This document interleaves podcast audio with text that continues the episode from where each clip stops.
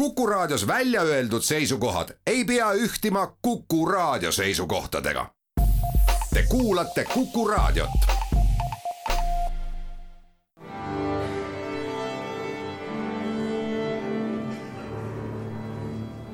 daamid ja härrad, Eesti Kontserdi saade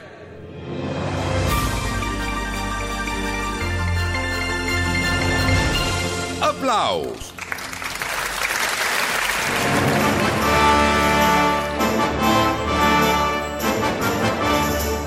Kõige lähematel päevadel on tulemas mitmeid kontserte, millest rääkimata ei saa.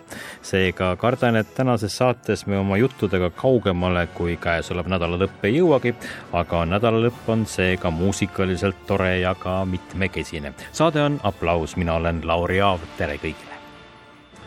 Johan Randvere Justas Šervenikas moodustasid klaveriduo juba kahe tuhande üheksateistkümnendal aastal. nüüd tulevad nad ja mängivad kaks kontserti Sergei Rahmaninovi muusikaga.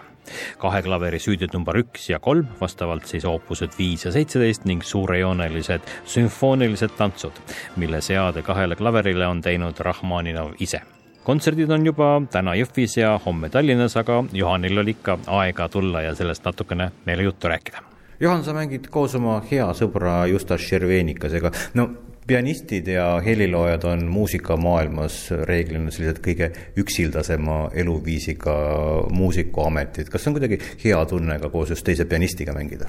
loomulikult, Mart Argerich ju praktiliselt üldse noh, ei mängigi enam üldse, ta mängib teistega koos. just sellepärast, et tore on reisida koos ja tore on proovi teha koos ja ja ma olen alati mõelnud et üksikalad on ikkagi vist kõige raskemad. samamoodi sportlastel ka, et mulle tundub, et kui sul on näiteks kas näi-, näitetrupp või mingi ansambel ja selle proov algab hommikul kell kümme, no lihtsalt sinna ei saa hilineda, see ei ole nagu võimalik, eks ju. aga kui sa täiesti ihuüksi mõtled oled väsinud kell üheksa, siis täiesti vabalt võid lükata selle kümnese proovi edasi üheteistkümneks, eks ju.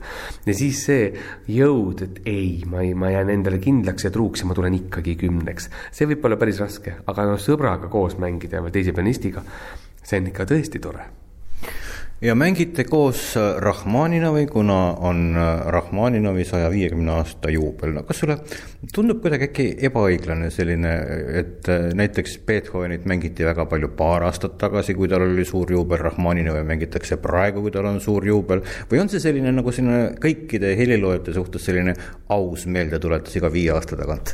see on päris hea küsimus, ma olen sama asja mõelnud ka ja vahepeal minule tegelikult tuli isegi nagu üllatusena, et üldse mingi juubel Rahmanovist, teda mängitakse mängitakse ju tegelikult ju võrdlemisi palju no midagi selles siiski on, see ümmargune number, ka Tobiasel on see aasta sada viiskümmend ja kuidagi on nagu, see paneb küll korra meenutama ja mina igatahes tähistaks seda. et isegi kui näiteks meile muusikutele võib tunduda, et noh, iga päev on kas Bachi päev või, või Mozarti päev, siis ikkagi nende sünnipäevad ja need ümmargused numbrid, seda tasub teha, see on samamoodi nagu enda mingite äh, kas sünnipäevadega või, või tähtpäevadega, et pigem ikka tasub teha. isegi sinnamaani võib välja jõuda, et kui mõelda näiteks mingi Halloweeni ja selliste pühade peale, mis on tegelikult eestlastele, ma arvan, jumala võõrad ja minul on ka väga keeruline kuidagi nagu leppida sellega, et see juba täiesti ruulib nagu Eestis, see Halloween, aga siis ma mõtlesingi ühel päeval, et Anu Tali ütles ju kunagi jube hästi, et ükskõik missugune püha või sündmus soosib rõõmsat läbikäimist, seda tuleb tähistada, ma olen jumala nõus. nii et pigem ikka neid ümmargusi numbreid tähistada. No see kava Rahmaninov, suur helilooja, suur dirigent, suur pianist. selline suur teos on sümfoonilised tantsud, mis ma tunnistan, et mul ikkagi kõrvus ikkagi aeg-ajalt ikkagi läbi aastate kumiseb ja, ja mul on raske ette kujutada seda klave, kahe klaveri esituses, see on niivõrd mastaapne sümfooniline teos. on jah, üldse need kolm teost, need süüt number üks, süüt number kaks ja sümfoonilised tantsud, need on kõik selles mõttes siuksed suured, tugevad teosed ja nii erinevad ka aga see sümfoonilised tantsud, mina muidugi olen selles mõttes, no nii klaveri, et mul on hästi keeruline kuulata Mussorgski pillinäitused orkestriga ja Hanemaa süüti orkestriga, kogu aeg mõtled, et ikka peaks olema ikka klaveriga see asi, eks ju. ja siis, aga kui mängida proovi ka teeme, eriti kui me tegime mitu aastat tagasi, lugesime neid noodist esimest korda, siis väga paljud kohad, no nii selgelt orkestriga nagu, või noh, mängid küll klaverit, aga kõrvus on tõesti need viiulid või mingid vased ja selline.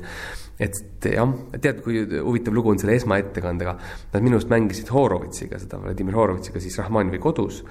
Ja oli öelnud Rahmanov Horovitsile ka, et, et noh, lõpuks keegi mõistab ka minu muusikat ja nad tahtsid salvestada seda.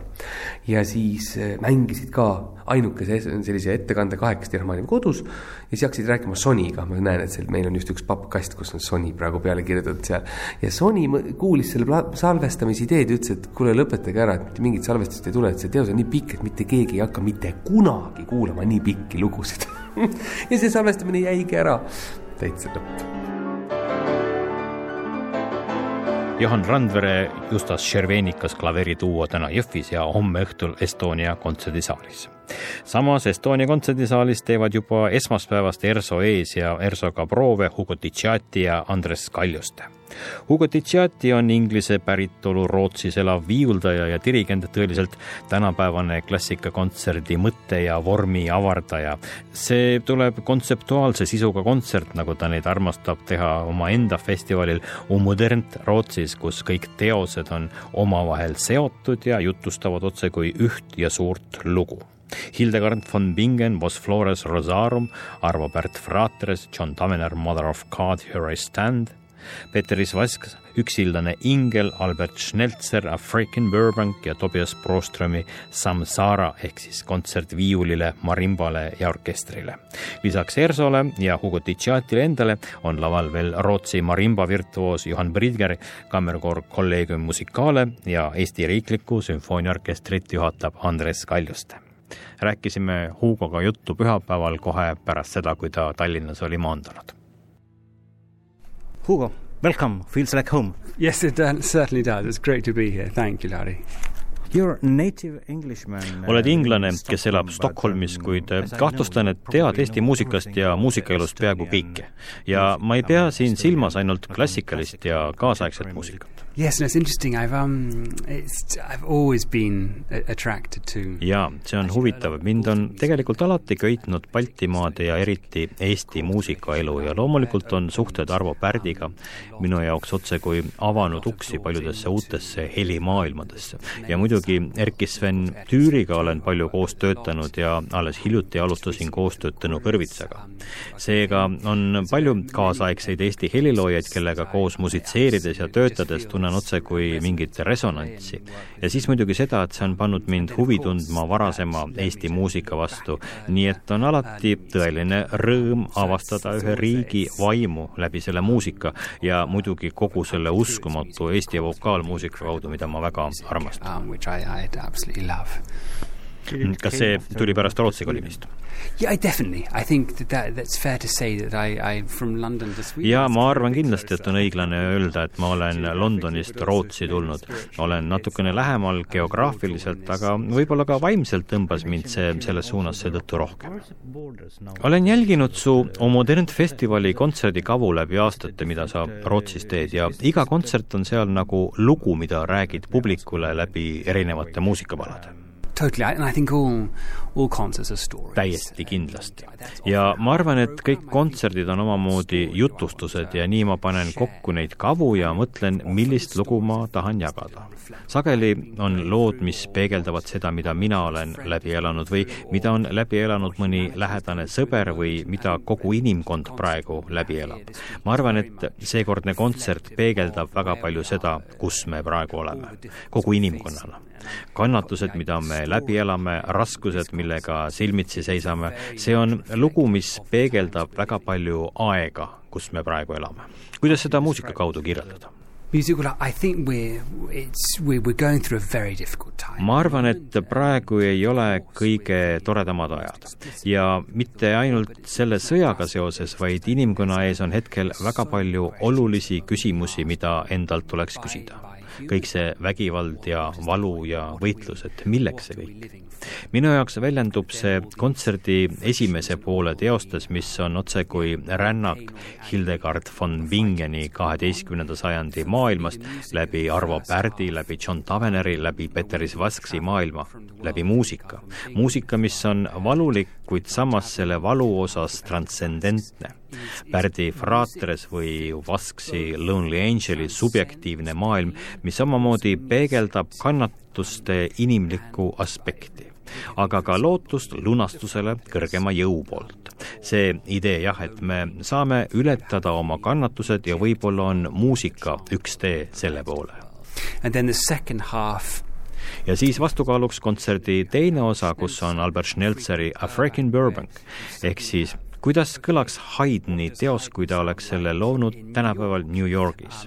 selline omamoodi veider idee, mis mängib sellega, kuidas me tänapäeval elame oma illusoorses asjade maailmas, olles kommertsiaalsuse vangid ja millisena hõljuks Haydni-aegne vaimsus tänapäeva Manhattanil ehk nagu paljud muusikud võiks küsida, et kuidas ühildada endas muusiku eluga kaasas käivat pidevalt üle ookeanide lendamist ja interpreteerida õige vaimsusega ajastutruult Haydni muusikat. ja viimase teosena Thomas Prostromi topeltkontsert marimbale ja viiulile, mis on üks lõputu korduste keerkäik. muusikalised kordused, mis ometi erinevad nii palju Hildegardi, Pärdi ja Vasksi muusikalistest kordustest.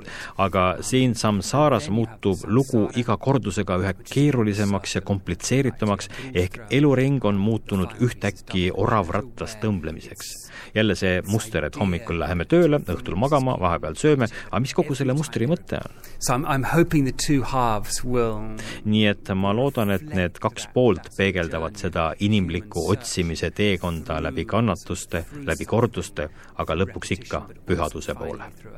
a transcendence.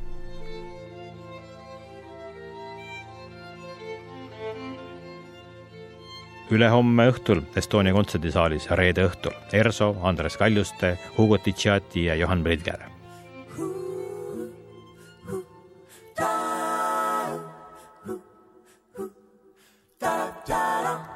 Ja nädalavahetus poleks mitmekülgselt täiuslik ilma laupäeva päevase kontserdita Estonia kontserdisaalis, lastekontserdita kell kaksteist päeval. veebruaris toimunud ja siis juba totaalselt välja müüdud ETV lastelaulude lisakontsert. telepoiss oli ja on kontserdi pealkiri ja osalisteks seal on Estonian Voices, muusikalikool ja Janno Trumpi ansambel tipp ja täpp ja Leopold ja hunt Kriimsilm ja Mõmmi ja kogu see lasteekraani seltskond, kes teleekraanidelt kunagi tuntud. ajaloolised ja samas nii tänapäevased lastelaulud ETV lasteekraani vanadest saadetest. tulge kõik koos perega. meie kohtume siin aga kahe nädala pärast, kõike paremat